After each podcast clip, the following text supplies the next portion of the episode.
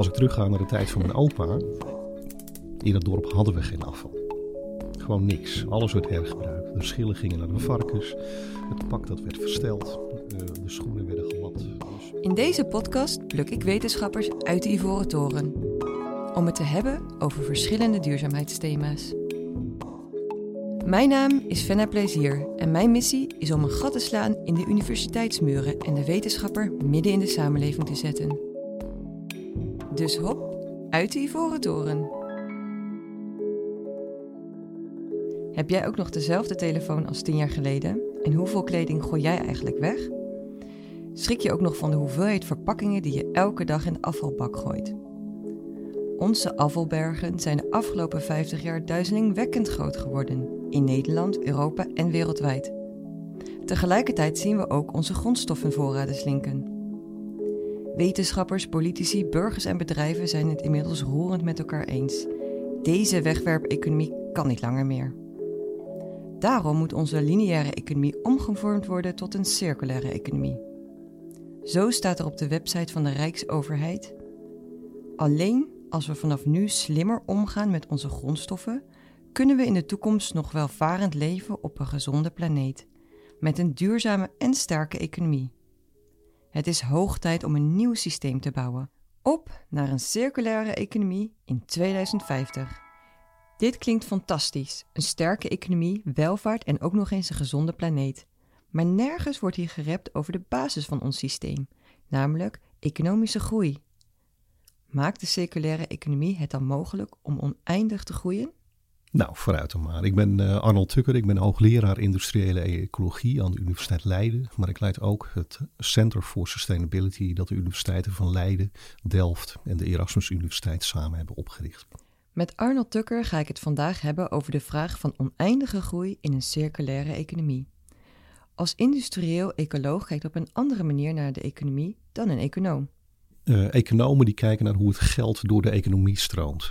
Uh, wie winst maakt, wie verlies maakt, uh, wie wat waar verdient. Wij kijken fysiek hoe de economie in elkaar zit. Dus wij kijken naar de levenscyclus van materialen en producten. Ik heb nu een mobieltje in mijn hand en wat we met onze tools kunnen doen is kijken waar wordt het mobieltje gemaakt, welke grondstoffen heb je daarvoor nodig, welke tussenproducten moet je maken. En we brengen daarbij ook in kaart wat de emissies daarvan zijn, wat het energiegebruik is, wat het materiaalgebruik is. Dus de hele milieudruk van het product kunnen wij in kaart brengen op die manier.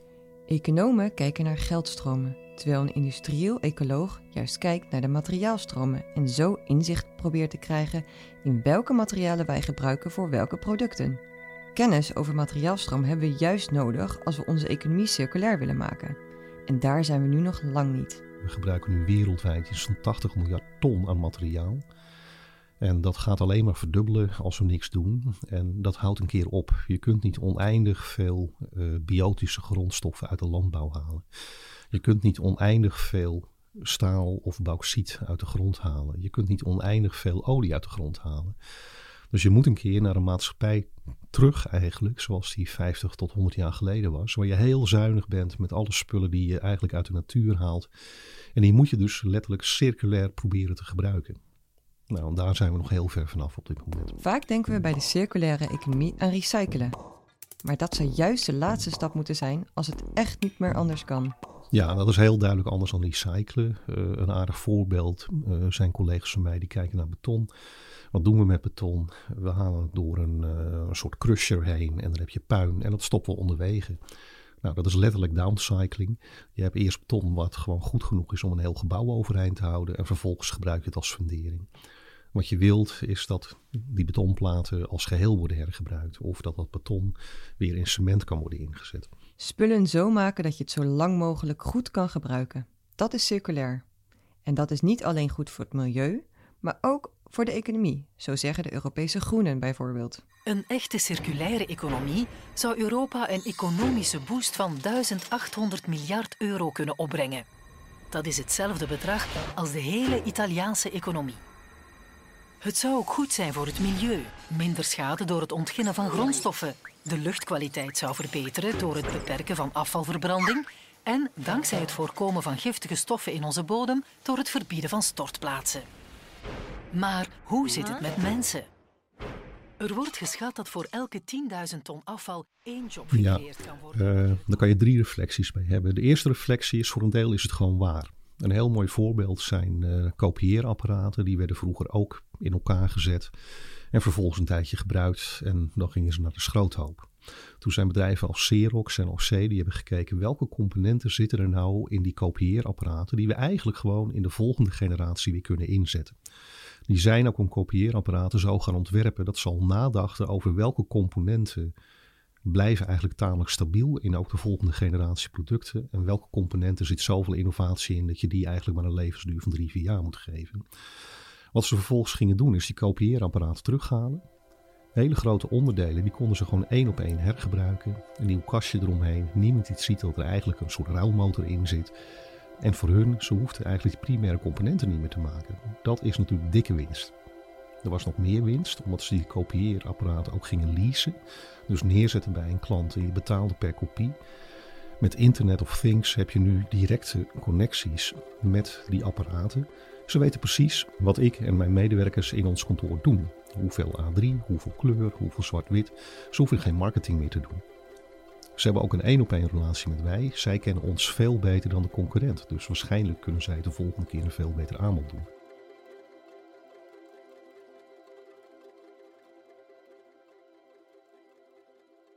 Tegelijkertijd ben ik ook sceptisch. Ik heb in het verleden heel veel aan het afvalbeleid gedaan. En iedere keer als mensen kwamen met van dit kunnen we recyclen, dit kunnen we beter doen en het is beter voor het milieu, maar ook beter voor de portemonnee. Mijn eerste vraag was dan altijd, waarom gebeurt het niet? Er zijn heel veel slimme entrepreneurs op deze wereld. En misschien dat ik zo dom ben dat ik het nieuwe idee niet zie. Maar er is een van die duizend anderen die ziet het wel en die gaan het proberen. Als het dan niet lukt, lukt het blijkbaar niet in het huidige marktstelsel. En dat heb je heel erg gezien ook toen we preventie en hergebruik gingen invoeren, 20, 30 jaar geleden. We hadden stortverboden nodig, we hadden stortheffingen nodig. En toen ging recycling opeens lopen. Omdat het alternatief te duur werd en recycling werd goedkoper. Dus soms heb je gewoon beleid nodig om die circulaire economie te maken. En het derde is, dat gaat echt over het kernthema van waar je mij over bevraagt. Kunnen wij eeuwig groeien op een eindige planeet? En dat kan natuurlijk niet. Dus ook die circulaire economie. Ik heb in een oratie gezegd, je moet er zeker naartoe. Want uiteindelijk kun je waarschijnlijk binnen dezelfde planetaire grenzen, met dezelfde schaarste aan grondstoffen, als je vier of vijf keer zo zorgvuldig omgaat met die grondstoffen, heb je uiteindelijk natuurlijk een economie die vier tot vijf keer zo groot is. Maar waarschijnlijk niet meer. We hebben beleid nodig om innovatie te stimuleren. Maar oneindige groei kunnen we toch op onze buik schrijven. Een factor 5 kunnen we nog wel groeien. Maar wat betekent dat voor onze Nederlandse economie, die al zo groot is? Ja, ik denk, ik, ik, ik, ik, ik heb zelf het sommetje eraan gewaagd. Uh, als wij zeggen we stoppen met groei, en dat is al heel wat, dat zal premier Rutte nooit zeggen in zijn verkiezingscampagne. Maar laten we zeggen, oké, we zijn rijk genoeg en we stoppen ermee. Dan weten we dat er 1 tot 2 miljard mensen zijn die hebben ons welvaartniveau. Kijk, China en India, de middenklasse hou je daar niet meer tegen. Ook daar leven politici, die moeten die beloften waarmaken. Nou, dan heb je over een 30, 40 jaar een 9 tot 10 miljard mensen op de wereld. En er zijn 7 miljard mensen die leven dan in armere landen. We weten ook uit allerhande onderzoek dat je gemiddeld een inkomen nodig hebt van 10.000 dollar per jaar om een beetje een redelijke levensstandaard te hebben. Dan kun je naar school, dan heb je goede gezondheid, dan heb je geen kindersterfte. En als je daaronder komt, zie je gewoon dat al die kwaliteitsindicatoren van het leven, die gaan eigenlijk omlaag. Nou, dat betekent voor een economie van, reken even mee, 7 miljard mensen, 10.000 uh, eh, dollar. Dat is 70 triljoen dollar. Dan hebben we nog 2 miljard mensen die willen allemaal iets van 50.000 dollar hebben, want dat verdienen wij ongeveer gemiddeld. Dan heb je een economie van 200 uh, eh, triljoen dollar. En dat is vier keer zo groot als vandaag. Dus dat moet je sowieso doen om de huidige rijken tevreden te houden en de huidige armen een beetje een redelijke levensstandaard te geven. Maar in het voorbeeld ik al aan dat wij eigenlijk heel weinig groeiruimte meer hebben. Die zou je eigenlijk moeten geven aan de mensen die het echt nog nodig hebben. En dat is al een boodschap die proberen we in duurzame ontwikkeling drie, vier decades te vertellen. En dat lukt iedere keer maar niet, want de rijken willen natuurlijk rijker worden. De rijken willen rijker worden en de armen willen een normale welvaartsstandaard. Kunnen we niet zo efficiënt worden dat we wel oneindig blijven groeien?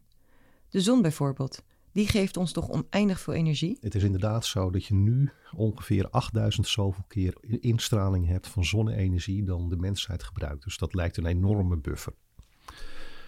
Maar als je pak een beetje 7% de economie per jaar wil laten groeien, uh, en dat is wat China doet, dat deden wij in de jaren 60 en 70, en dat vindt elke eerste minister vindt dat eigenlijk wat we nu doen, 2, 3% veel te weinig. Dus laten we nou zeggen, dat doen we. Uh, 7% per jaar. Als je dat 10 jaar doet, dan heb je niet 70% groei gehad. Dan heb je bijna een factor 2 groei gehad, omdat je rente op rente hebt. Dus reken even mee. 10 jaar, dan ben je twee keer gegroeid naar 20 jaar. Dus 2 keer 2, dan ben je vier keer gegroeid naar 30 jaar. Uh, twee keer 2 keer 2, 8 keer gegroeid. Naar ruwweg 35 jaar ben je 10 keer gegroeid. Dat is precies wat China de afgelopen 30 jaar gedaan heeft. Dan ga ik nog een stapje verder. 35 jaar is 10 keer groeien. Dan is 70 jaar 100 keer groeien. En 105 jaar is 1000 keer groeien. Ai, die hele buffer van die factor 8000 is dan op. En op dat moment moet ik inderdaad mijn hele planeet volleggen met zonnecellen, inclusief de oceanen. En die moeten dan ook nog eens 100% effectief zijn. Dus dat gaat niet. We zullen, als je die groei wil, veel minder energie moeten toe kunnen dan vandaag. Uh, je kan nog een factor verder gaan. Je kan zeggen van oké, laten we dat proberen met grondstoffen te doen. Dan heb je over 300 jaar heb je de hele aardkorst nodig. Dus dat gaat alleen maar als je, met een mooi woord uh, heet dat, ontkoppelt. Maar ook daar zijn natuurlijk grenzen aan. Uh, als je ziet wat we al moeten doen om de klimaatproblemen te lijf te gaan, dan zegt iedereen dan moet je rond 2050 80% eigenlijk minder broeikasgassen uitstoten. Ik zei net, zelfs een factor 4 of factor 5. Ik zei net, ja, die economie moet een factor 4 groter worden om iedereen een beetje redelijk bestaan te geven.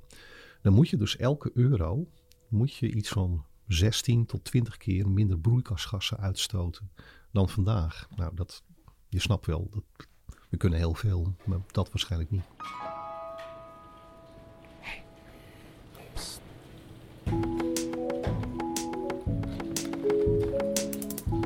Vind je het net als wij belangrijk om wetenschappers uit die voren toren te plukken?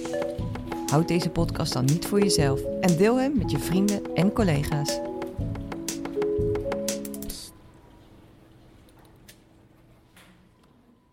Je gaat toe naar een economie onvermijdelijk waar de grenzen van de planeet gaan bepalen van, nou ja, oké, hoe groot die economie kan zijn. De grenzen van de planeet die bepalen hoe groot de economie kan zijn. Tegelijkertijd een mensgerichte economie waarin groeiruimte moet zijn voor de arme landen om zo iedereen te voorzien van een basiswelvaart.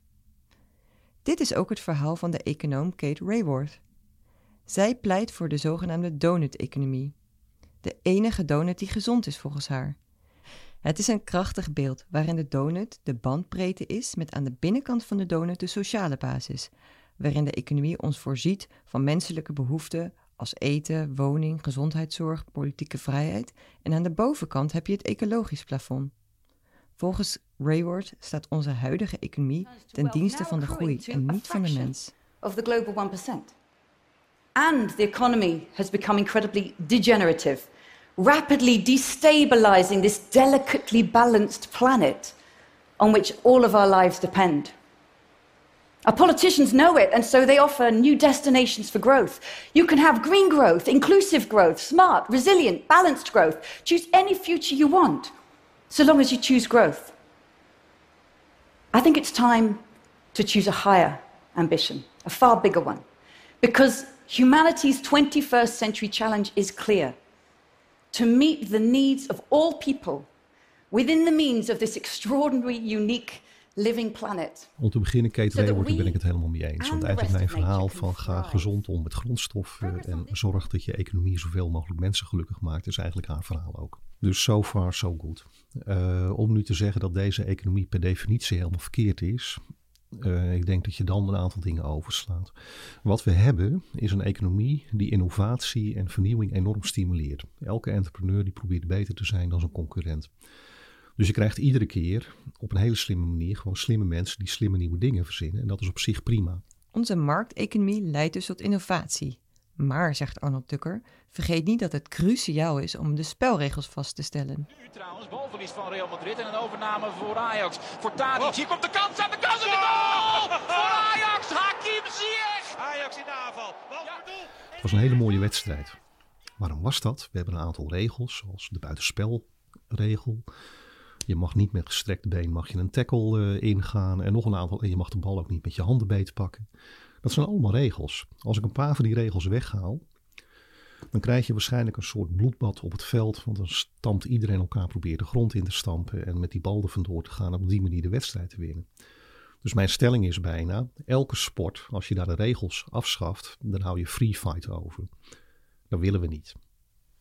Niemand zal zeggen tegelijkertijd dat voetbal geen concurrerende sport is. Het team dat het beste getraind is met de beste spelers en dat een beetje geluk heeft, wint. Het is enorm competitief. Dus waar je naartoe moet, is een economie waarin je je randvoorwaarden zodanig weet in te richten dat inderdaad de uitkomst is een mensgerichte economie. En dan zie je dat een aantal landen doen het heel goed. De Noordse landen, dus uh, Noorwegen en Zweden en Finland, die zorgen gewoon voor hele duidelijke regels. Als jij zwanger bent geweest, dan mag jij gewoon een jaar vrij nemen om je kind op te voeden. Je man moet een maand lang weg van zijn werk blijven om te kunnen binden met zijn kind. Ja, en in de Verenigde Staten werkt het zo dat uh, je krijgt eigenlijk helemaal geen vrij. Ik geloof net uh, nog twee weken rond de geboorte. En dan moet je het onderling als werknemers maar regelen om elkaar een beetje wat extra vakantiedagen te gunnen en dat soort dingen. En dan wordt het een beetje gespeeld als zelfhulp. Ja, het is geen wonder dat dat niet werkt. Uh, en ja, dat je daar dus inderdaad heel erg uitwassen ziet van mensen die inderdaad gewoon het hoofd letterlijk niet meer boven water kunnen houden. En dan maar geen gezondheidszorg afsluiten, hun kinderen niet naar school sturen en, en dat soort zaken. Dus, dus nou ja, dat, dat is eigenlijk wat er nodig is. Je moet een economie hebben die zodanig is ingericht. Concurrentie blijft bevorderen, maar tegelijkertijd wel die mensen gewoon op een goede manier een, uh, een leven gunt. We zijn nu aangekomen bij het streven naar een mensgerichte economie waar ruimte is voor concurrentie. Maar wat gebeurt er eigenlijk als de economie stopt met groeien? Juist omdat we dat streven naar efficiëntie hebben, uh, krijg je dat bij wijze van spreken elk bedrijf elk jaar een paar procent efficiënter wordt.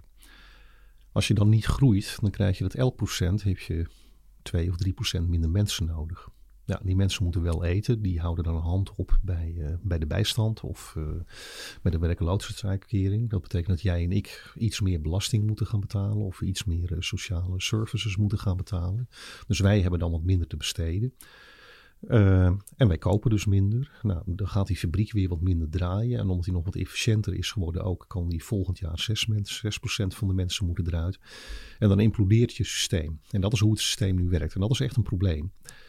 Dus eigenlijk waar je naartoe moet, denk ik, als je zegt ik wil echt een stabiele economie hebben zonder groei, dan moet je waarschijnlijk gewoon die efficiëntiewinst gaan vertalen in meer vrije tijd.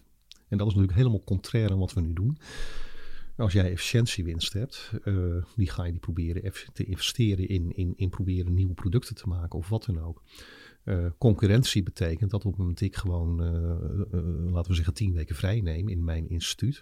Ja, dan is er een collega wetenschapper die heeft twee papers geschreven. Dan sta ik op achterstand. Dus de concurrentie houdt ook in staat dat we allemaal zo hard mogelijk willen blijven werken. Dus dat is nu weer een beetje gek. En ja, de experimenten met een basisinkomen, die hebben ze in Finland wel gedaan. We moeten echt nog helemaal leren hoe dat moet. een andere bekende schrijver, Tim Jackson, die heeft tien jaar geleden een heel mooi boek geschreven over prosperity without growth. En hij zei: Dit is eigenlijk het meest fundamentele probleem dat we hebben. We weten niet hoe we een economie die niet meer groeit stabiel moeten houden. Dus laten we nou alsjeblieft 10% van de mensen bij het CBS, CPB daar onderzoek naar laten doen. Al is het maar een gang mensen.